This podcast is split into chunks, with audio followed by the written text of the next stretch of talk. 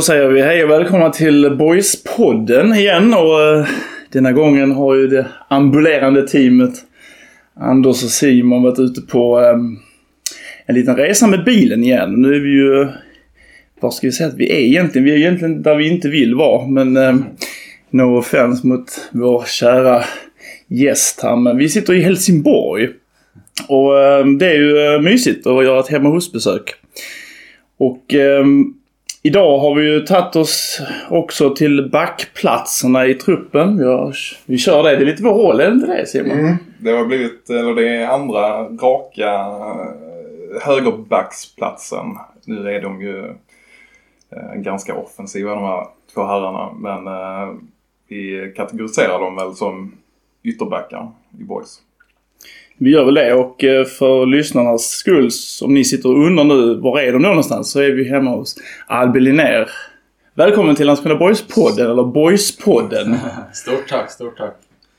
Hur känns det att uh, ha sådana här uh, uppgifter framför sig och vara med i en podd? Uh, nej men det känns, det känns kul. Det är kul att lära känna nya, nya människor och, och få träffa lite nya skåningar när man är här som ny stockholmare. Så att det är, känns bra faktiskt. Trevligt, trevligt. Och nu kommer vi att pressa dig lite på pulsen här. Ja. Eller känna dig på pulsen heter det. Simon har ju en, um, vad ska man säga, han har en tendens att komma med ett frågebatteri här till att starta dig på intervjun. Ja. Så man liksom får känna dig lite mer på pulsen. Och jag tycker vi rycker av det redan nu. Det, Eller vad känner du? Det gör vi. Vi kickar igång. Vi kickar igång, Bra. Eh, fullständigt namn? Albin Erik Linnér. Ålder? 23. Familj? Uh, en bror, Oskar Linnér, som spelar i GIF Sundsvall just nu. Uh, tillhör ju Armina Bielefeld i Tyskland. Och sen uh, mamma, pappa och en tjock liten katt också. En tjock liten katt? Ja, som en heter... tjock stor katt ska jag säga. som heter Rocky. Moderklubb? Stocksunds IF. Favoritlag? Arsenal. Favoritspelare genom tiderna? Frank Lampard. det var lite oväntat. Ja, verkligen. Men det är så det är. ja. Mm, ja. Eh, intressen utanför fotbollen? Eh, finansmarknaden. Eh, som jag sitter och jobbar med eh, i stort sett varje dag. Och sen eh, flygplan också. Flygplan? Ja. Eh, är det liksom som trainspotting fast med Ja, med lite så. Det är, jag vet inte var det kommer ifrån egentligen. Både min bror och jag har, uh, har haft det som intresse. Vi har rest ganska mycket som familj under åren så att uh, det bara växte upp uh, när vi var unga så tycker man att det är lite häftigt med flygplan så att man har varit och fotat en del och, och ja, har, har bra koll på det helt enkelt. Kunde du så här åka ut till Bromma och ställa dig ja, utanför staketet? Vi har varit ute och... mycket på Arlanda och fotat mm. och sen framförallt när vi har varit ute och rest så har vi så har vi tagit med kameror och fotat och så, så att uh, vi har några riktigt uh, schyssta bilder faktiskt. Ja. Men hur har du arkiverat det här på något sätt? Har du någon sån flygplans scrapbook eller vad heter det? Sån, uh... jag, har, jag har faktiskt ett Instagram-konto så jag körde det har inte varit aktiv på på två år nu men det jag la ut bilder som faktiskt fick 130 000 följare. Så att, så att ni kan eh, gå in och, och kolla där sen. Hett tips här. Vi kommer lägga upp en länk här i Boyspodden sen. Ja, jag, jag, alltså jag har stött på flera liknande den typen av konton. Liksom är ofta ganska populära. Liksom. Ja, alltså jag vet inte. Det, det känns som eh, flygplansintresset uh, har växt ganska mycket i världen uh, de senaste åren och det finns, det finns nog många som uh, åker man ut till Arlanda och ställer sig och fotar så är man absolut inte, inte själv där. Det är så pass? Ja, ja det är många som, eh, som gör det. Men det var dock länge sedan jag gjorde det nu. Men eh, när jag var yngre framförallt så, så brukade jag göra det. Så att, eh, ja, som sagt, jag, jag har några fina bilder. Jag har sett någon, någon stockholmare tror jag som kallar sig Bussmicke eller sånt där. Som kör mycket bussar och, och pendeltåg och sånt. Som jag tror gamla satirkontot Kitan Femma just det, körde en del med. Det kontot är mm. så jävla roligt. Alltså. tror det har gått i graven nu. Där. Ja, jag hittar inte längre på Instagram. det är bra, bra, bra nivå på det. Ja. Kul. Eh, en person utanför din familj som har betytt extra mycket för dig? Oj. Um, Jag får väl säga eh, en stor inspiration fotbollsmässigt, eh, Zlatan Ibrahimovic. Eh, Även fast jag aldrig har träffat människan. Men det har ju ändå gett väldigt mycket inspiration och motivation genom åren. Så att jag får säga honom då. Mm. Det är ju en rätt tung pjäs. Absolut. Mm. Ja, han har, han har satt Sverige på kartan. Ja, han har betytt mycket för många. Ja, verkligen. Eh, vad visste du om Boys och Landskrona innan du kom till klubben? Eh, det jag visste var att det är en, eh, en väldigt uh, anrik och klassisk klubb med, med stark uh, supporterbas uh, och uh, många själar som brinner för klubben. Så att, ja, mer än så har jag faktiskt inte, hade jag inte så mycket koll på Landskrona innan jag kom hit. Ska jag faktiskt säga. Men ja, vad, vad fanns det egentligen mer att veta? Jag spelar i ett annat lag så jag borde inte ha koll på spelsystem och så. Men men eh, ja, det var väl det jag visste. Och att Henke Larsson var tränare där för några år sedan. Ja, just det. Ja, just det. Ett tag sedan. Ja, exakt. Det var några år sedan. Eh, vem är den bästa spelaren du spelat med? Eh, det är nog Kristoffer Olsson får jag nog säga. Han, eh, han var riktigt duktig alltså. Jag var i AIK 2017 och 2018 eh, och så var jag med A-laget i stort sett båda de åren. Och eh, första året, 2017, så... Han hade inte en dålig säsong, men han, han var ju... Ja, han var ju absolut inte lika... Eh, vad ska man säga? En lika stor nyckelfaktor till framgången eh, som han var 2018. Då var han helt otrolig. Det var, det var kul att se hur han, eh, hur han kunde liksom vrida och vända och verkligen eh, luckra upp ett mittfält på, på egen hand. Eh, så att eh, det var en, en eh, eh ja, utan honom hade de helt enkelt inte vunnit SM-guld 2018 och att få vara med och se det på, på nära håll var, var inspirerande att se. Så att jag får säga, säga honom. Mm. Bra val. Bästa spelaren du har mött? Um, det var nog Fred. Vi mötte eh, också i AIK, så mötte vi, vi var i Dubai på träningsläger, så mötte vi FC Shakhtar eh, i, ja, Shakhtar Donetsk i i en träningsmatch. Då hade de de här eh, brassarna, Tyson och Fred och Bernardo, Marlos och ja, vad de, alla de nu heter. Men ja, så att jag hade, då spelade jag vänster wingback den matchen och hade Fred som högerytter. Så att, eh, sen gick han till United på sommaren där tror jag. Så att ja, det är nog den bästa spelaren jag mött. Sen har jag i och för sig mött Haaland också. Men det okay. var innan han, det var 2017 var det. Eh, innan han eh, eh, blev en ja, världsstjärna helt enkelt. Och då menar vi inte Alf Inge Håland? Utan Nej, exakt. Nej, det var gode Erling som jag mötte. ja. Eh, vad är du mest stolt över i karriären? Uh, oj, vad är jag mest stolt över? Uh, det är väl nog uh, att uh, ska dra in brorsan i det här, att både jag och han har pushat varandra och, och tillsammans tagit oss till en, en uh, riktigt bra nivå. Och nu har ju han tagit sig ännu längre än vad jag har gjort. Men Superettan ska absolut inte underskattas. Det är extremt många fotbollsspelare som vill spela i Superettan. Så att, um, det är nog att vi, vi båda tillsammans har, har lyckats ta oss till en, till en så pass hög nivå. Mm. Sämsta stunden på fotbollsplanen? Uh, ja, igår när man drar på sig en straff exempelvis. det är väl inte något man står och jublar över. Men eh, fan, det är sånt som, sånt som händer. Eh, jag har ju spelat mest offensivt eh, genom mina år i fotboll. Så att, men nu kommer jag hamna, hamna mer i eget straffområde och, och komma mer i sådana situationer. Så att, det, det är sånt som händer. Och, ja, men det är inget, inget roligt när det händer. Så att, det var det färskaste minnet som kom upp när du nämnde den frågan. Mm.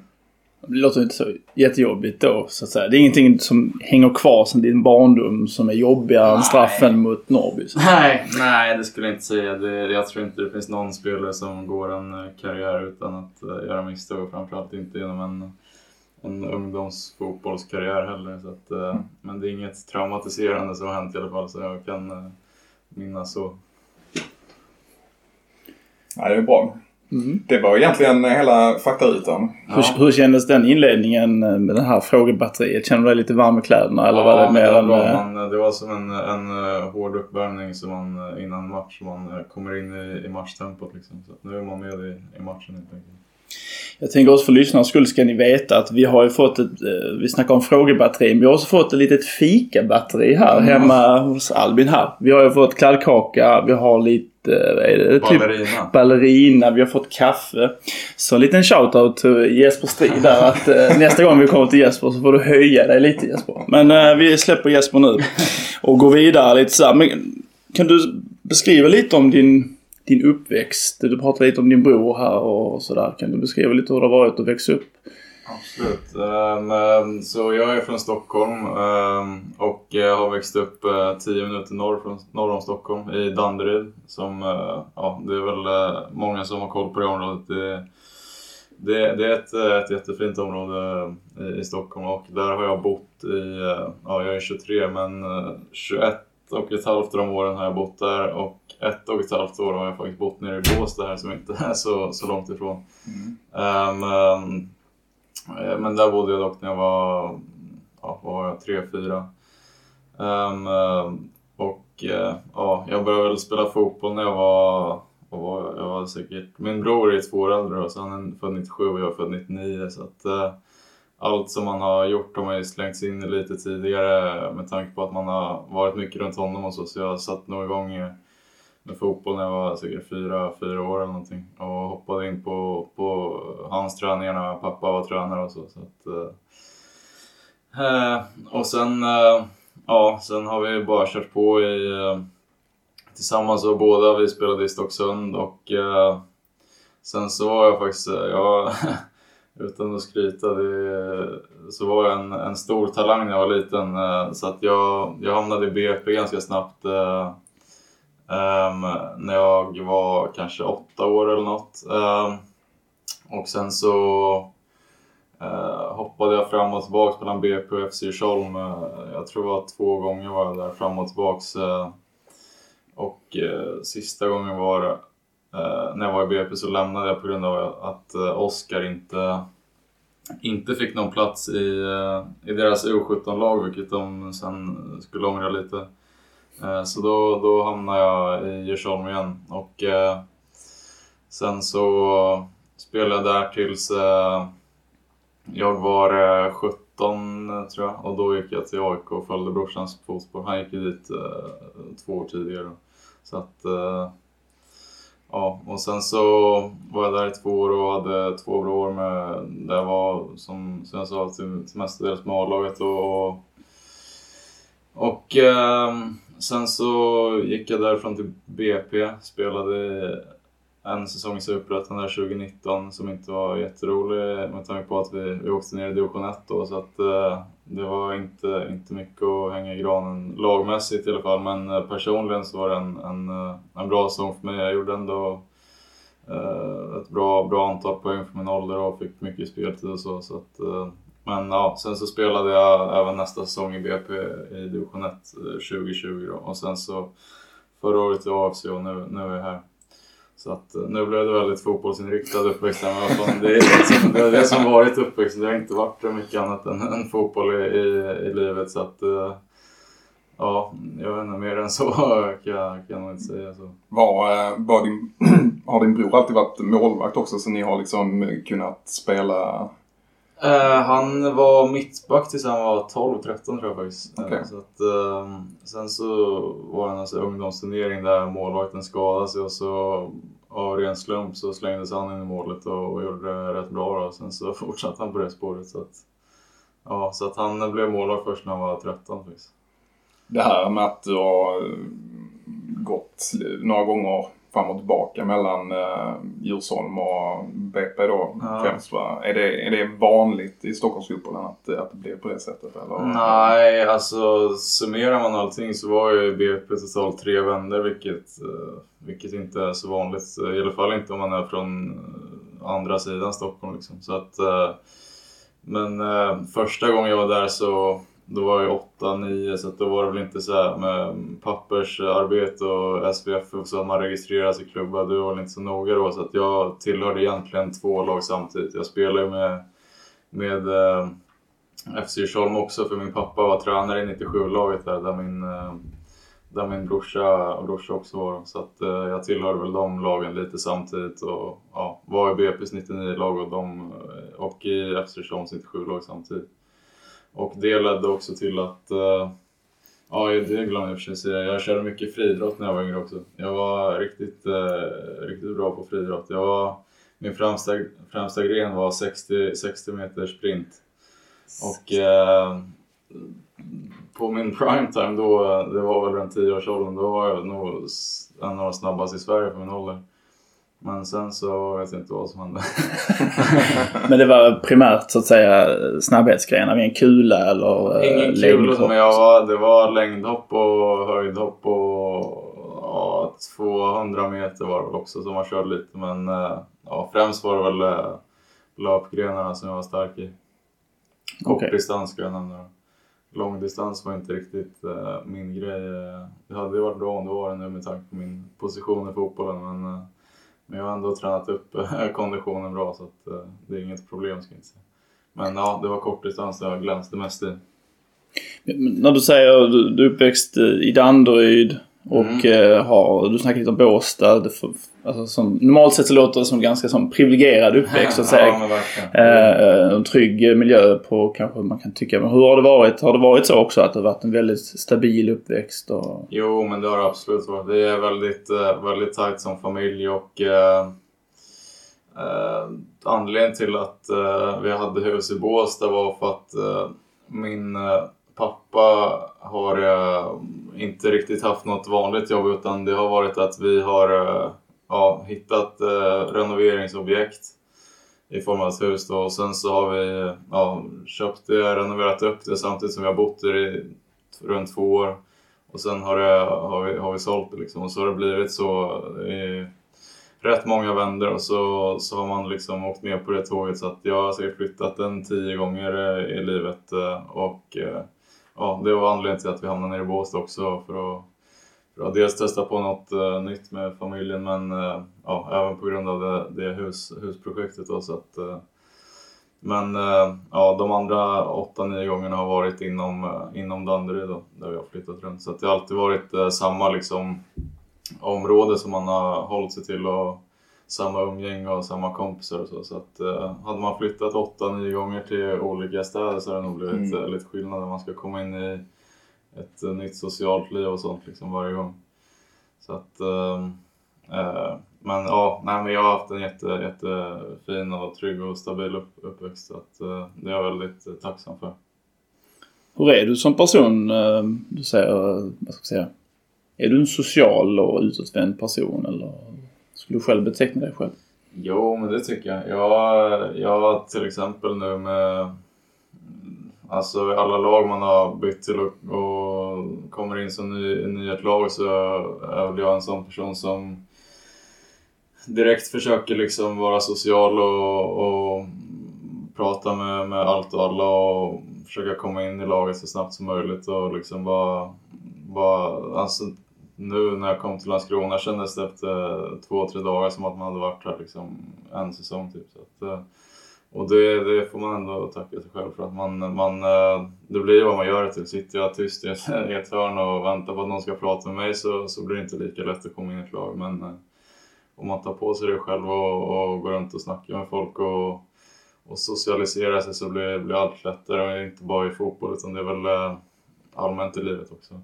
Men fin, har Boys någon så att säga eh, ny, ny, nyanställs, eh, vad ska man säga, program eller är det någon som kommer, eller du har själv bara börjat prata med folk och sen så löste det sig? Ja, nej men det, nej, det finns inget så program så utan det, det är bara att man får, man får göra så, så gott man kan och sen det är klart nu pratar jag för mig själv eh, vad jag är bekväm med och är det någon som inte är bekväm med att ta för sig så mycket i början så, så så har ju de sina sätt att komma in i laget och då får man, det där märker man ganska snabbt också. Märker man att det är någon som är lite tillbakadragen så, så, så får man väl eh, själv ta tag i och prata, prata med den personen. Liksom. Så att, eh, men eh, ja, jag har, har, skulle nog säga att jag är ganska utåtriktad och social.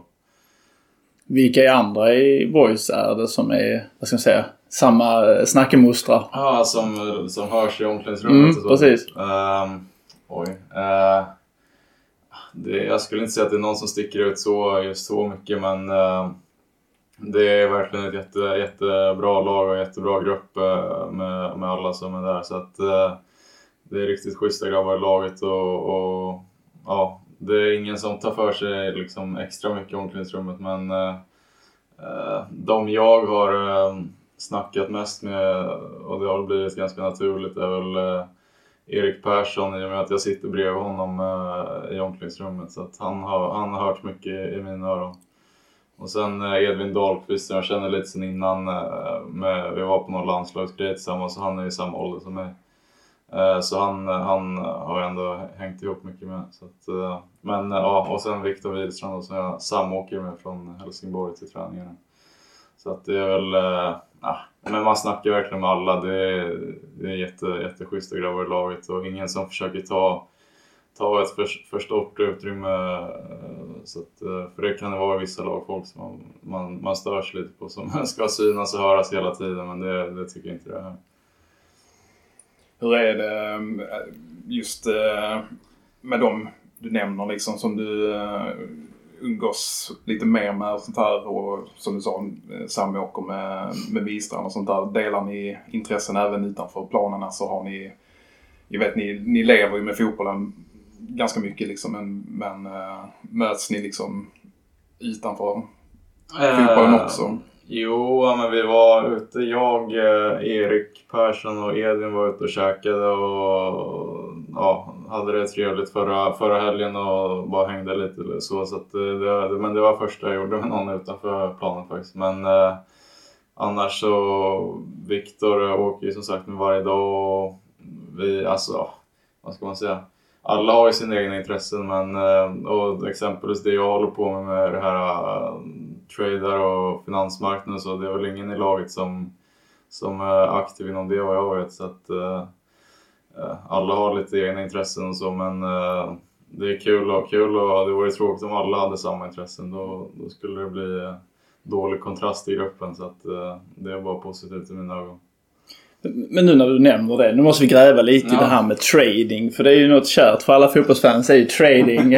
Men eh, hur kom du in på den här eh, biten med att sitta och trada framför datorn och ekonomi? Ehm, det var egentligen, allt började väl egentligen för ja, nästan exakt eh, på dagen, två år sedan när, när corona, corona kom till världen och det började avspegla sig på eh, finansmarknaden då. Um, och innan det så hade inte jag någon aning alls om liksom, eh, jag var extremt eh, okunnig i vad, vad som styr en, eh, en börsmarknad och Eh, liksom allt, allt vad det innebär. Ehm, så, men jag tänkte liksom bara, fan, nu, nu har ju allt rasat, nu är det kanske ett bra läge att börja investera lite liksom, eh, och åka med på den uppgången som förhoppningsvis kommer komma.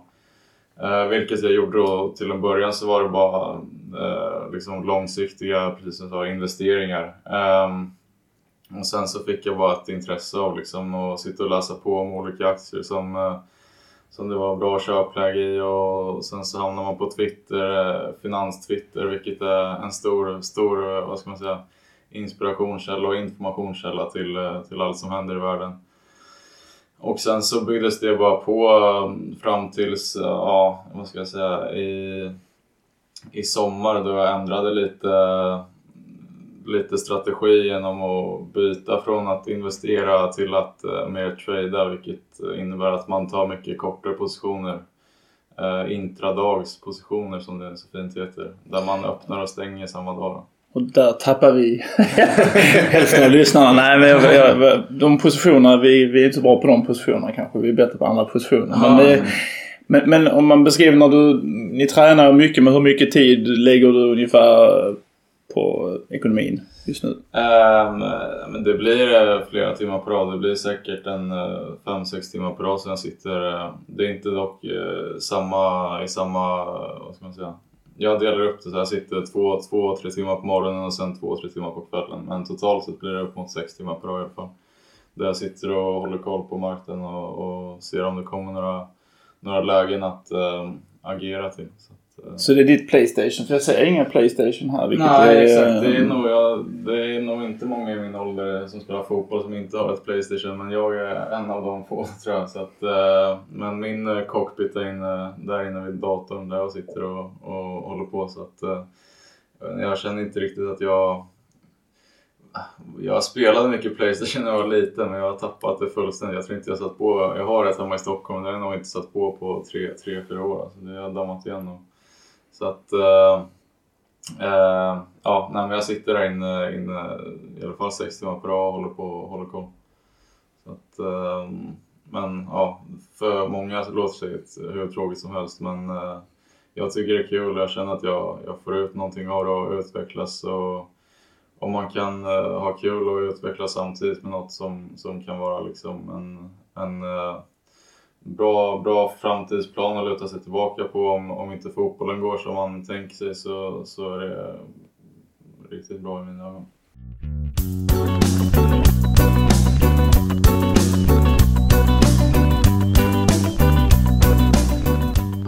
Du skrev på för Boys här i, uh, vad var det, var det innan årsskiftet? Eh, ja, det var... När var det? Jo, men det var det. Det var, det var i mitten på december. Ja, det måste det vara va? Ja. Eh, hur, hur kom det sig? Alltså hur, hur, gick, hur gick gången från att du lämnade Eskilstuna och hamna i Boys och vem, vem kontaktade dig? Och... Ja, nej men eh, där kommer min brorsa in i bilden igen. Han eh, han är ju ett, ett, eh, får man säga, ett etablerat namn inom den eh, svenska fotbollen. Så att, eh, och eh, just nu är jag eh, nog bara aktuell för svensk fotboll så att jag har känt liksom att jag har inga jättebra erfarenheter från, eh, från agentvärlden. Så jag har känt liksom, jag orkar inte med, orkar inte med allt vad det innebär. Så att, det är faktiskt min brorsa som har, har blivit min agent inom Sverige får man väl då säga. Och det är liksom inofficiellt inte så att vi har några papper skrivna eller så men eh, han har så pass, eh, pass eh, bra kontakter och folk vet vem han är så att och det ligger i hans egna intresse att hjälpa mig liksom, så att jag, jag anser inte att jag kan ha någon, någon bättre som kan göra ett bättre jobb än vad han kan göra. Eh, så att eh, det var han som, eh, han och Billy som, eh, som kom i kontakt i, när var det, i, ja, i höstas någon gång. Och sen så var jag nere och, och eh, träffade, träffade Bill och Max och, och de presenterade liksom en, en plan om, eh, om vad som eh, eventuellt skulle, hur det skulle se ut ifall jag kom ner hit. Och det, det lät eh, verkligen som, som något som skulle passa mig. Så att, och sen så ja, efter, säsongen, efter säsongen så tog vi upp kontakten igen och sen så dröjde det inte jättelänge till så att, tills att jag blev klar helt enkelt. Så att det var, ja, det var lite så det såg ut. Presenterade Billy och Max liksom idén om att du skulle ha en ganska tillbaka, alltså inte, det är ingen tillbakadragen roll men du, du, du, du blev ju någon form av ytterback i, i, i boysen då. Ja, precis. Och om jag har förstått saken rätt liksom så känns det som att du har spelat både anfallare och ytter. Ja, jo men precis. Det, vi spelar ju med fyrbackslinje vilket jag aldrig, aldrig har spelat eh, defensivt innan. Eh, när jag var i AIK så spelade vi 5-3-2 och då var jag wingback där. Men det blir ändå ganska stor skillnad på att spela en fembackslinje och en fyrbackslinje för du har en mittback bakom dig i en fembackslinje som täcker upp ganska mycket av allt som händer bakom dig. Så det blir lite mer eh, att du kan släppa på det defensivt och, och liksom köra mer offensivt i en fembackslinje. Så det är ganska nytt för mig med, med allt eh, det defensiva ansvaret som kommer i en fyrbackslinje och flytta över och hålla linjen och så liksom, som man inte behöver tänka på innan. Men eh, eh, ja, alltså när de presenterade allt så, så var det verkligen en, en tydlig, tydlig roll som jag skulle ha och eh, inte, inte många instruktioner men, eh, men eh, få instruktioner som var tydliga och som verkligen passade mina egenskaper och det kändes som, som att uh, ja, det jag verkligen skulle kunna, kunna få ut något av att, hamna på den positionen. Uh, och det är liksom jag har ju stått typ förra säsongen så, så spelade vi 4-2-3-1 med AFC där jag var en offensiv högerytter. Men eh, ja, med 80% av matcherna så hamnade jag ner som högerback ändå för man, man kom ner så lågt i banan och fick ta ett eh, överdrivet stort defensivt ansvar. Så att, eh, bara för att eh, hur det står på pappret så, så betyder det inte att man är helt, eh, helt ovan vid eh, liksom, hur det ser ut på plan. Så att jag, jag känner ändå att jag har kommit in i det, in i det ganska bra. Vilka egenskaper tror du i dig själv eh, var det som fick Bill och Max att, eh, att kunna tänka sig dig i den här rollen? Liksom? Eh, nej, men det var nog framförallt eh, att jag, jag är en snabb spelare och, och gillar att, och komma en mot en. Eh, vilket jag känner eh, så här långt på säsongen att jag, det finns, finns såklart mycket mer att ge men det är ganska naturligt att det har blivit så. Att jag har prioriterat defensiven med tanke på att jag inte har spelat i en fyrbackslinje innan så att det har blivit lite är, suttit tillbaka ut att man är lite, lite försiktig offensivt liksom. Eh, Jag har varit lite mer noga defensivt. eh, Men eh, jag tror man kommer släppa på det mer och mer efter, allt eftersom. Så att, eh, och det, är- det är ju de offensiva egenskaperna de har tagit in mig för. Ehm, eh, Och det, då är det nog främst eh, min, mina en mot en egenskaper att ta sig runt på kanten och, och få in bollen i, i straffområdet helt enkelt. Och det, det tror jag kommer, kommer kunna lösa bra när, när Superettan drar igång sen. Det låter väldigt likt eh, Jesper Strid som vi intervjuade för Ja. några veckor sedan. Han är ju också gammal anfallare och ytter. Och, han var. Jag har inte koll på hans bakgrundsinfo, men han var också Ja, offensiv spelare. Ja, det har han ju varit tidigare. Okej. Eh, Finns det ett väldigt bra poddinslag eh, om just Jesper Strid? Ja. Du kan... Ja, just det. Jag ska lys- ta och lyssna på den Ja, bara. precis. Och ni, eh, ni så här, känns ju liksom att eh, ni, ni konkurrerar lite om samma, samma position liksom. Eh, Ja, absolut. absolut. Hur, jobbar ni tillsammans liksom med, med det här om det nu båda två är ganska offensivt lagda liksom och har ni, har ni samma utmaningar och Jo, men det har vi. Det har vi. Det, han, har, han har gjort det väldigt bra. Jag tror han har förvånat många med det han har liksom eh, visat på träningar och matcher så än så länge i, eh, i Landskrona. Jag, han var ju från, han, jag tror han spelat över division 1 innan va?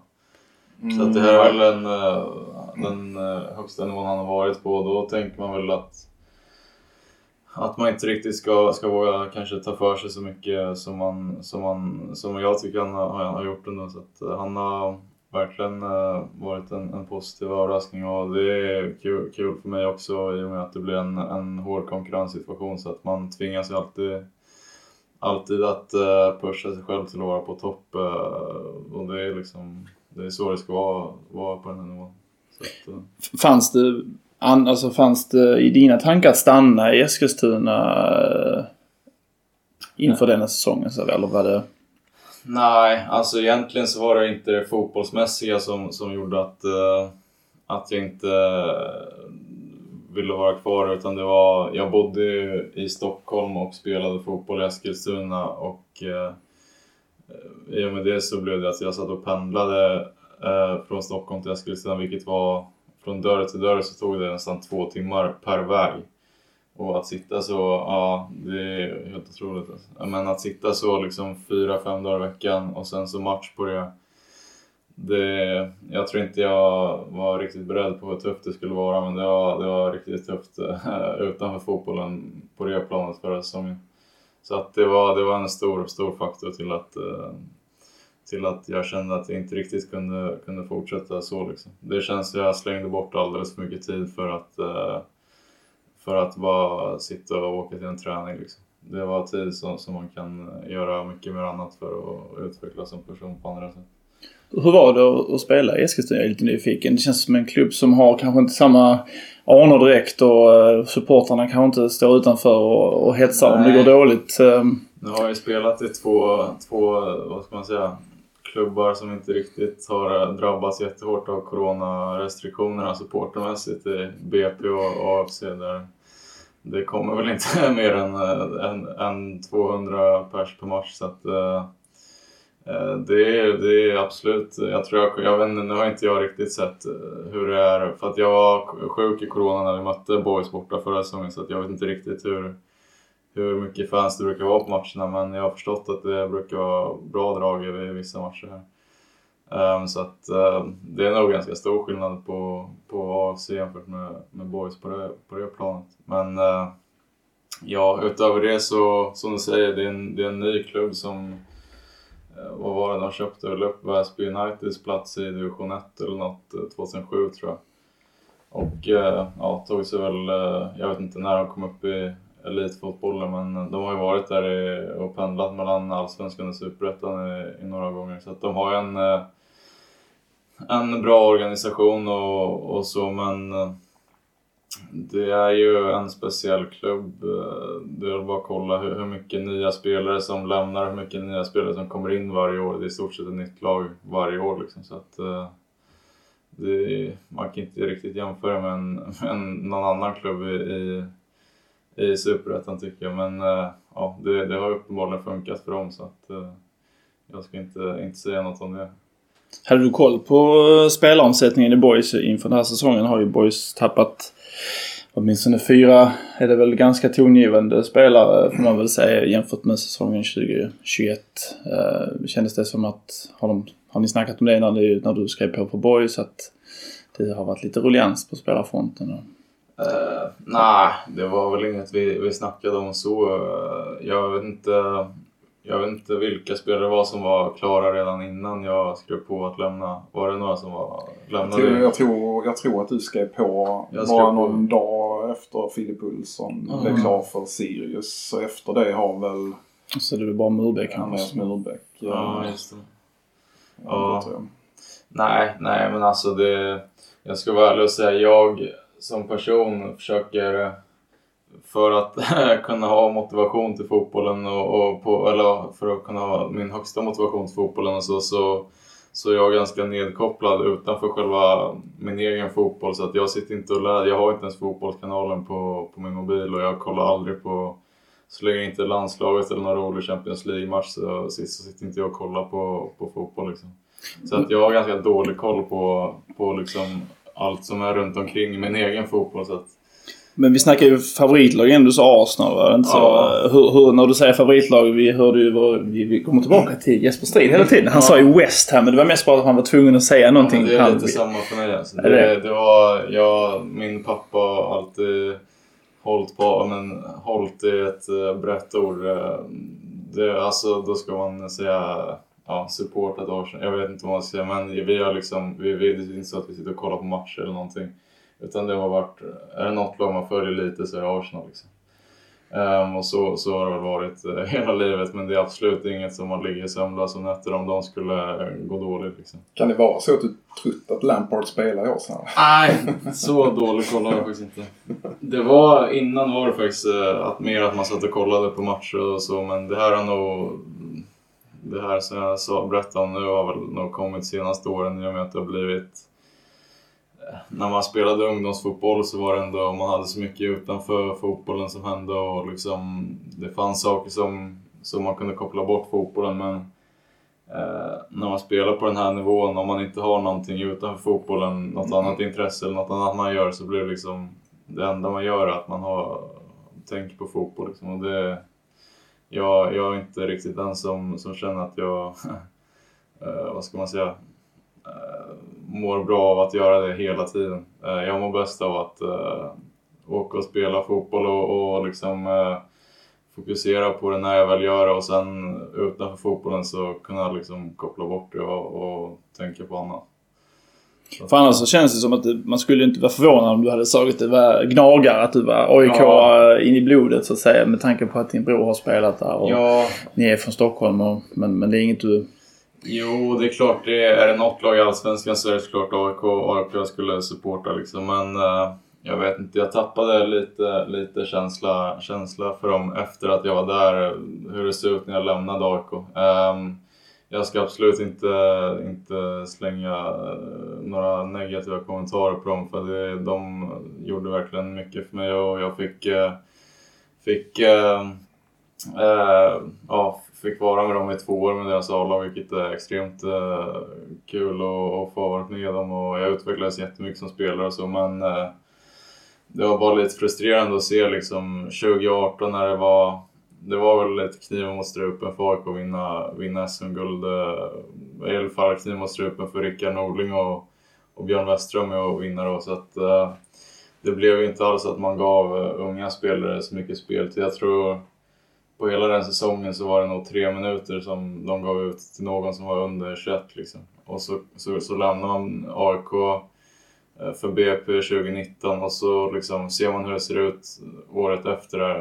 Där de, alltså det, det, det ser ut som att de ställer upp med u lag i vissa allsvenska matcher. Liksom. De bara kastar ut eh, chanser till folk och, och så. Så att jag kände inte riktigt att jag fick chansen på riktigt som jag förtjänade det. Jag tycker jag gjorde det absolut tillräckligt bra för att få få en, en chans på riktigt där. Så att, eh, ja, men jag, jag ska inte säga, ja, det, är, det, är det något lag i Sverige så är det såklart AIK, men eh, ja, det, och frågar min bror så, så är det exakt tvärtom, att han, eh, det var många gånger där, där han kunde ha blivit eh, droppad men de valde att tro på honom hela tiden så att det väger nog jämnt ut inom familjen så att alla är AIK-supporters till slut. Och snart är ni randiga allihopa. Det är väl så det brukar ja, vara helt enkelt. Exakt. Mm. Sveriges Juventus. Byta från uh, Ukrainas, eller vad Ukraina, Uruguay-spåret. Uh, från, uh, men var, var kommer det ifrån? Uh, Skåne till Uruguay? Var det... Ja du, det är en det är, lång historia. Ja, om jag kan historien något sånär så var det väl någon journalist på 30-talet som, eh, som såg en period när Boys gick väldigt bra i Allsvenskan och jag tror eventuellt kan ha tagit någon medalj eh, det året. Mm. Okej, okay, så det var redan på 30-talet? Ja, och okay. på 30-talet var ju Uruguay världens bästa fotbollslandslag. Och, ja. och jag tror det var efter någon match typ mot Gais kanske. Så drogs det några paralleller där? Ja, till att Boys var så otroligt bra. Okej. Okay. och drog den parallellen ja, den parallellen. Ja okej, okay. ja, men då var, det, då var det långt bak i tiden. Mm. Jag, tycker, jag tycker mer det borde vara Sveriges Juventus eller, eller något sånt. Ja, uh, ja det, det, är möjligt faktiskt. jag har faktiskt inte tänkt på det. Ja. Eh, det kanske inte hade någon innebörd i Uruguay-ämnet. Eh. Nej, det kanske, eller så är det sån Sveriges Newcastle. Det är många som man kan dra paralleller kring kanske, jag vet inte. Newcastle känns nästan rimligare. Ja, men det är lite det mer tufft. Lite, lite tuffare. Lite, ja precis. Det ska inte vara så lätt att vara boysad. Det ska vara lite så uh, kämpigt. Ja. Mm, en liten annan sak som jag är lite intresserad av. Du är ju en um, jag har kollat runt lite. Jag har ju stalkat dig lite på ja. sociala medier. Ja. Eh, du har ju ett Instagramkonto som är i alla fall en 5073 följare tror jag. Ja. Alltså uppskattningsvis. Uh, och det är nästan lika många som Boys faktiskt har. De har lite över 6000. Men trots allt så följer du. Eh, och sen din bror har ju 17 000. Alltså, det är rätt så. Hur viktigt är, alltså hur viktigt är, du intresserad av sociala medier så att säga? Är det någonting viktigt att synas eller? Nej, hur är alltså inställningen det där, till det? Det där också, det där var kul när man var yngre och liksom eh, Framförallt när man spelade in alla de där följarna som jag har kommer ju enbart från eh, AIK liksom när jag var där och, och att min bror eh, var första målvakt där så att eh, Alltså lägger jag upp en bild som, som inte rör fotboll så droppar ju likesen mycket liksom. Men eh, det där var kul när man var i AIK och lägga ut bilder när man eh, spelade någon match och fick någon bra, bra bild. Liksom. Men sen så nu idag så egentligen så hade jag nog bara velat ha ett, eh, ett konto med 200 följare som är helt privata. Alltså. Men eh, ja, det, jag, jag lägger inte så stor vikt vid, vid det där eh, i dagsläget. Har du märkt rusning av alla boysar som har ädat det nu? Eh, så du har fått... Det är de där 73 extra över de 5000 kanske? Där. Ja, exakt. Men det kom några boys, boys eh, följningar efter den där videon jag la ut på, på stranden i Thailand. Mm, hur, hur resor, om man nu drar en parallell på dina bilder så är det väldigt ja. mycket resor. Det är ett stort intresse. Ja, det jag älskar att resa. Det, det ska jag också vara tacksam för. Det har vi gjort uh, mycket med familjen under, under min uppväxt. Så att, uh, och då framförallt i, i Asien och uh, ja, Thailand har jag säkert varit i 17-18 gånger tror jag nog. så att det har varit någon så här familjetradition att det är det som är lite synd med fotboll, att man är så extremt bunden. Så enda gången man kan åka liksom, på en ordentlig semester blir ju Eh, när det är off-season, vilket är under december. Liksom. Så då har vi i stort sett alltid åkt på en, en, eh, en lite längre Asienresa då, eh, på tre, fyra veckor. Så att, och så har vi oftast då hamnat i, i Thailand. Så, och det gjorde jag även nu, trotsade, trotsade corona och, och tog mig dit nu i, i december också. Så att, och så stängde de ner som tur var två dagar efter jag kom hem tror jag. Så att, eh, det var bra, bra timing. Hur är det med privatlivet så att säga? Har du hittat kärleken? Är du eh, en stadgad man eller hur funkar det? Jag är inte för att fråga själv men, men lite av det. Men det är allmän nyfikenhet. Jo, men jag har, jag har flickvän så att uh, hon, uh, hon åkte faktiskt i morse härifrån. Um, hon uh, bor i Stockholm också då, och också från norra sidan av Stockholm. Eh, Täby bor hon i. Um, så att ehm, hon är, nu har hon lyckats komma hit eh, varannan vecka men hon sitter fast lite med, med saker i Stockholm med, med plugg och Eh, och jobb och, och, lite sånt som... Eh, och så har hon häst också, familjen, så att hon är lite bunden till, eh, till Stockholm just nu. Men tanken är väl att hon ska, ska komma ner hit i, i sommar och, och ja, flytta, flytta hit permanent. Då. Så att ehm, hon, kommer, hon är med i bilden helt enkelt. Då flyttar ni till Landskrona sen när hon kommer ner kanske då, Så ja, vi slipper åka hit. Om det finns en, en, en schysst lägenhet i Landskrona så, så kommer vi dit. Jag tror här kan, det här, som ni ser, min lägenhet är ganska liten alltså det, det kan nog bli tufft att bo två stycken här, unga, unga personer. Ja men där tror jag Landskrona har potential. Det får väl Torkel Strandberg eh, reda ut. Eh, kan han fixa en lägenhet? Ja, och snacka lite med Svante som, som ändå flyttat till Landskrona. Precis. Ja, just det. Ja, ja men det, det där ska nog lösa sig. Men eh, det har blivit lite när hon har varit här att man har ja, bokstavligen suttit på varandra. Liksom. Så att, ska man bo, bo med varandra lite mer långsiktigt så får man nog se sig över om det finns något, eh, någon lite större lägenhet kanske. Ja, det är svårt att hitta annars, egen tid Annars här. kanske inte blir så långsiktigt. Precis. Nej då, det löser sig. Ja. Hur, eh, hur, eh, nu har ni kommit igång med tävlingssäsongen. Ja. Tre matcher in på den och ytterligare några träningsmatcher på det. Hur, vad tycker du om din första tid i, i klubben och hur, hur känner du att, eh, att det går för laget liksom? Alltså, när jag för att först prata om min egen del så det var sen så, ja, det här är en ny, ny position för mig i att spela en fyrbackslinje vilket har gjort att jag har tagit eh, ett, eh, ja, inte riktigt vågat eh, släppa, släppa på det framåt liksom. Um, vilket som jag också sa är mina egenskaper som de värvade mig för. Um, och uh, det har ju väl gjort att jag har sett ut lite eh, så att jag har, har hamnat väldigt lågt ner i banan och inte riktigt kunnat, eh, kunnat visa upp de offensiva kvaliteterna som jag har. Ehm, och, eh, men det, det är inget jag är orolig över så för att jag vet vad jag kan offensivt. Och, nu känns det ändå som jag har, har bevisat för mig själv att jag, jag kan sköta, sköta defensiven bra.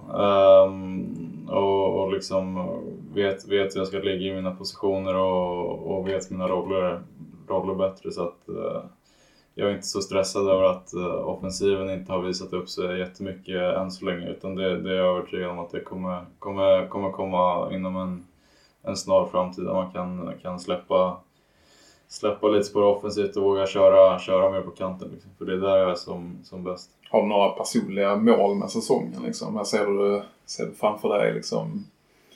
Det är bara att försöka, försöka spela så mycket och, och göra det så bra som möjligt eh, varje match. Och liksom jag, jag sätter inte upp så här, ja, jag ska göra 10 assist och tre mål. Det, jag vet, det blir bara att man springer runt och jagar det, då, då, då låser det sig i huvudet. Så att jag, jag gör bara så bra jag kan varje match och så, så får det liksom landa där det landar helt enkelt. Och matcherna som har spelat, det är, alltså om man bara går på resultat så kan man inte påstå att det har gått särskilt bra. Nej. Samtidigt är det ju en försäsong och får en viss tufft motstånd i, i Svenska cupen till exempel. Men uh, hur, hur, ser du på, på lagets uh, start?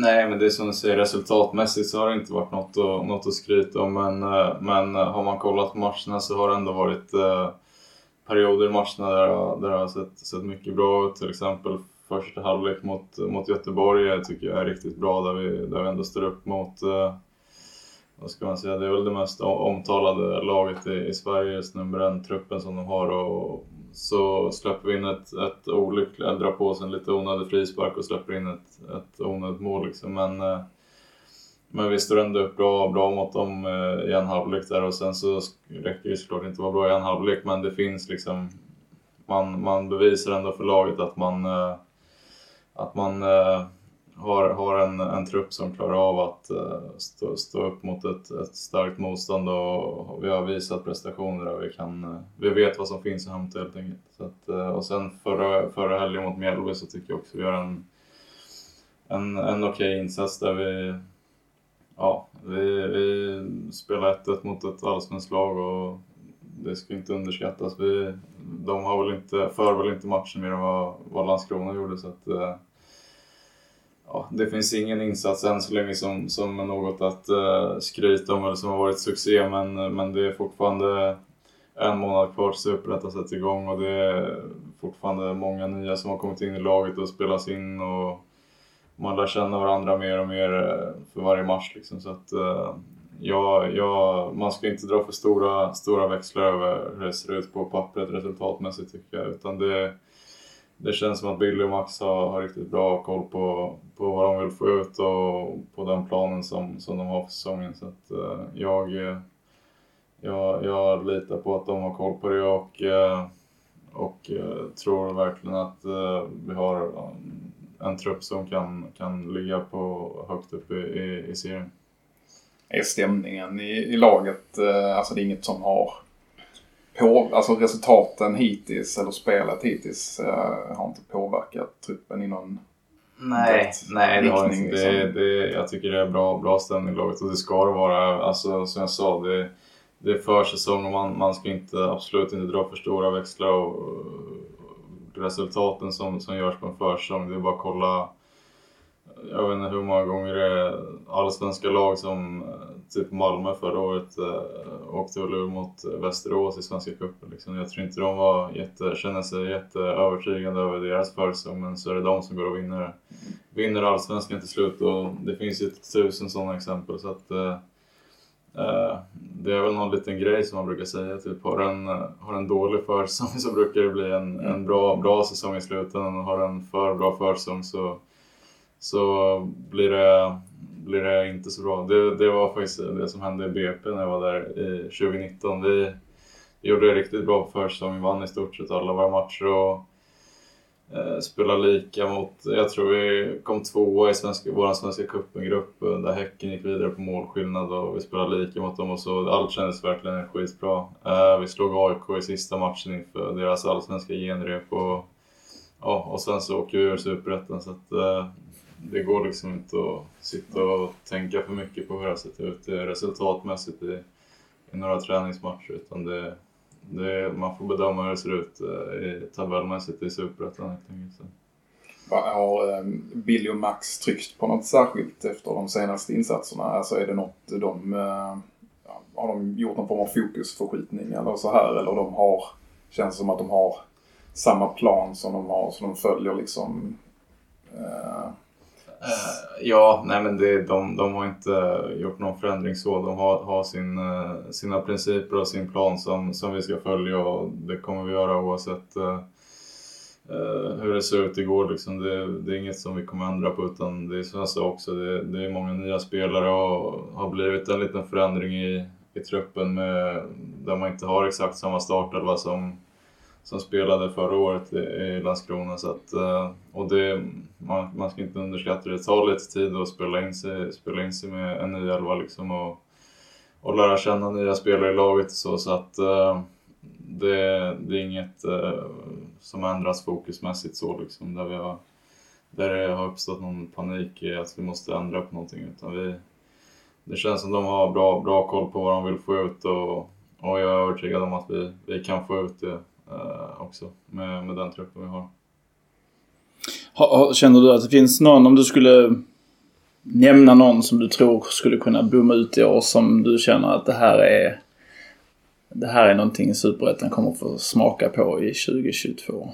Ehm, Förutom dig själv då som kommer givetvis att Ja, dominera. Men jag bara menar om någon annan.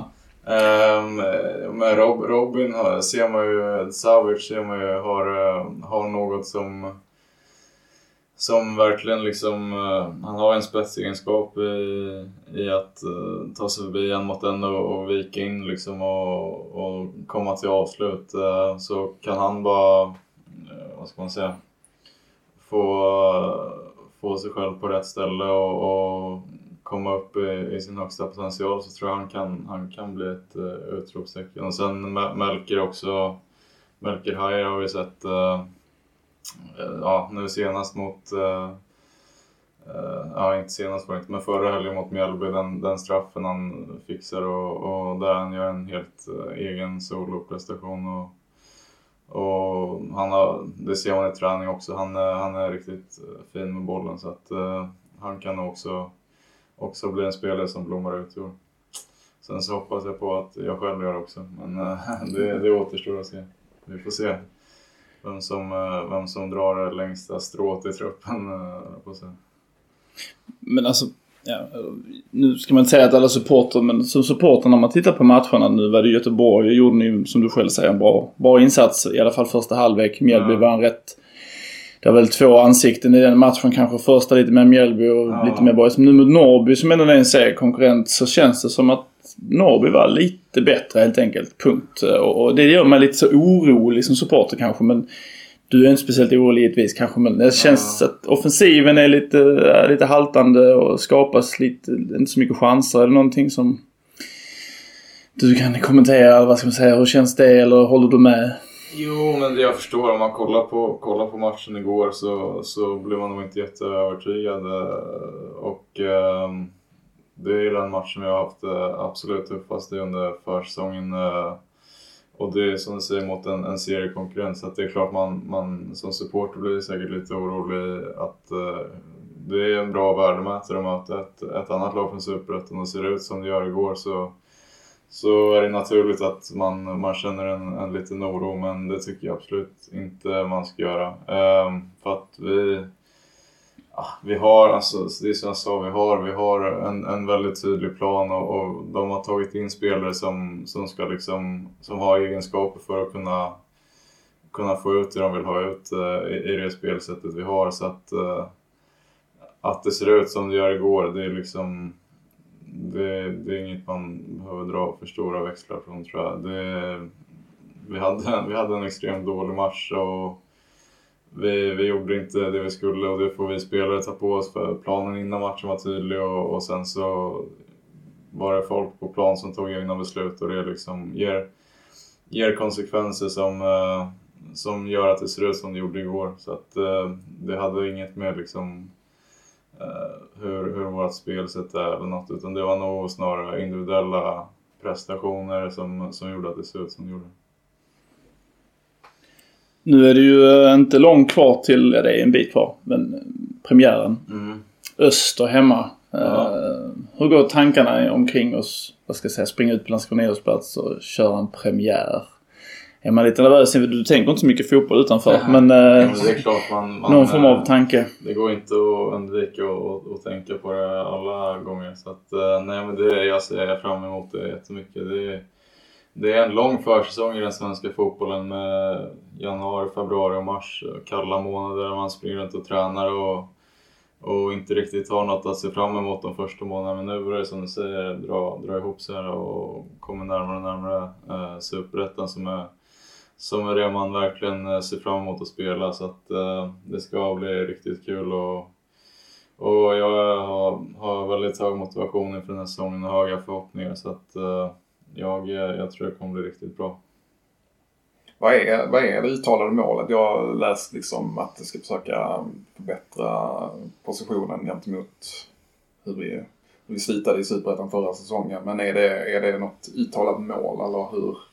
Eh, nej, alltså inte vad jag vet. Inom laget har vi inget uttalat mål förutom att eh, göra det bättre än vad vi gjorde det förra säsongen. Eh, Mm. Vilket är ett, ett, en, en rimlig målsättning. Och, om det leder till att man hamnar topp tre så, så är det liksom det vore ju extremt kul om man fick vara med och, och ta upp boys i, i Allsvenskan. Det vore ju helt otroligt. Men eh, jag tror bara man får gå in och, och vara ödmjuk inför, inför säsongen och se till att eh, ha som, som målsättning som sagt att bara minst göra det lika bra som förra säsongen.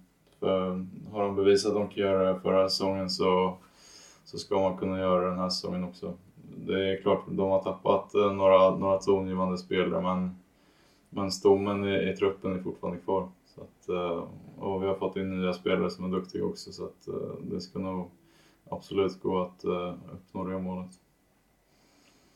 Om du fick leka manager lite, mm, bara så din tränarkänsla. Om du skulle anställa en ny i boys eller vad ska man säga, köpa in en ny spelare. Var skulle den personen positioneras någonstans? Ser du några brister som du skulle vilja fylla ut? Nej, det... Nej, alltså det... Jag, jag vet inte. Jag tror det man vill ha är väl att försöka ha in en, en, en fjärde mittback. Inte för att det är någon brist på dem som de har utan det är mer för att kunna, kunna täcka upp ifall eh, det går inte att gå en säsong utan skador och avstängningar kommer komma så att eh, Ehm, det är väl liksom eh, får man en skada en avstängning så, så har man bara en mittback kvar så då får man försöka väga, väga upp det på, på något annat sätt så att jag, jag tror väl att man kanske vill försöka få in något där och sen eh, jag tror vi har så pass bra spelare i truppen så att eh, så att vi ska kunna, kunna få ut det, det man vill få ut. Ja, helt enkelt. Så att, det är klart man, man alltid kan ta in, ta in spelare som, som eh, kan lyfta laget men eh, eh, jag, jag vet inte. Jag har dålig koll på, på vad, de, vad de söker och, och det låter jag, låter jag dem sköta också. Jag, jag har min högerbacksposition, mina roller som jag, som jag ska uppfylla. Så att, uh, det är det jag har fokus på. Sen vilka spelare som kommer in och, och går ut från laget, det, det lämnar jag åt, åt Billy och Max. Ja, vi ska börja runda av lite. Vi går in i en ny, ganska så händelserik eh, boysvecka. Vi har eh, träningsmatch mot Kristianstad imorgon där du inte deltar som du spelar majoritet mycket mot eh, ja, Norrby i helgen. Och sen eh, på onsdag är det väl årsmöte om jag inte är oj, helt fel på det. Är det, det är inget som du, äh, årsmötet, det, hur känns det kontra trading? Det, jag helt ärligt så visste jag faktiskt inte. Okej. Okay. Nej, det är okej. Okay. och, eh, och sen äh, nästa helg är det då hemmamatch mot Örgryte va? Ja, om inte de eh, skrällar. Jag vet inte när de spelar mot AIK. Nej, just det, de har spelat mot AIK. Men den de spelar faktiskt nu tror jag i, eh, mot, uh, heter de, heter Eskilsminne ja, faktiskt. Just det. Och väl... Gnaget möter väl Örebro just nu också. Ja. Så är det väl. Som... Men jag vet inte om de kan gå vidare Örgryte, det låter jag vara osagt. De kan, kan gå vidare. Om AIK förlorar mot Örebro och Örgryte vinner så tror jag de kan gå vidare. Så att, eh, men ja, det ska nog mycket till för att den träningsmatchen ska bli inställd tror jag. Okej. Okay. Ja, men det kan ju också bli en liten värdemätare där. Ja, ja det, blir, det blir framförallt kul att kunna få motbevisa det vi presterade igår. Att uh, få, få gå ut och göra en bättre prestation mot ett, uh, ett superettanlag och, och visa att vi, vi inte är så, så långt ifrån som det ser ut igår. Och vi har ju en kladdkaka framför oss som ja. vi inte har kunnat äta upp för att det kommer med på ljudet om vi klinkar för mycket med besticken. Och mm. eh, vi har ju ballerinakex. Så att frågan är inte om vi ska avsluta här och börja äta istället om inte du kör ut oss direkt. Liksom. Nej, det tycker jag inte. Vi ska, lite kladdkaka ska ni allt ha. Trevligt, trevligt. Fantastiskt värdskap får vi Ja, det, vi, vi ger väl en, en klar fyra av fem.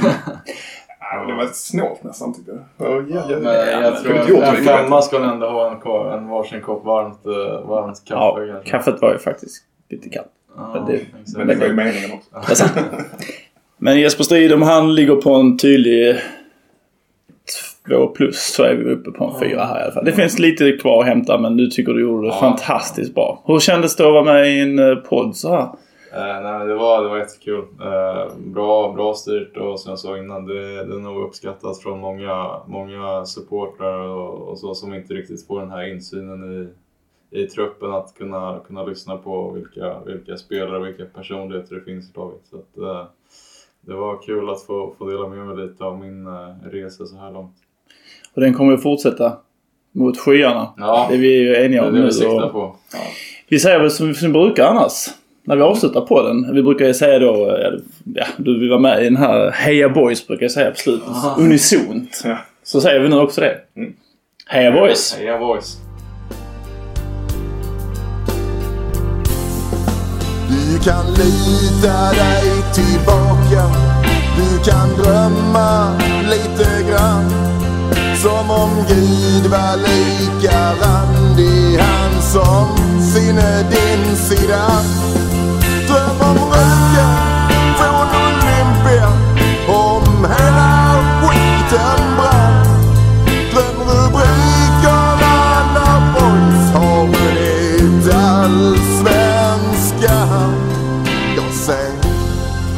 Sambalek Varm och het? Jag ser grym överlägsenhet Ja, du ser väl det själv? Vilket underbart lag.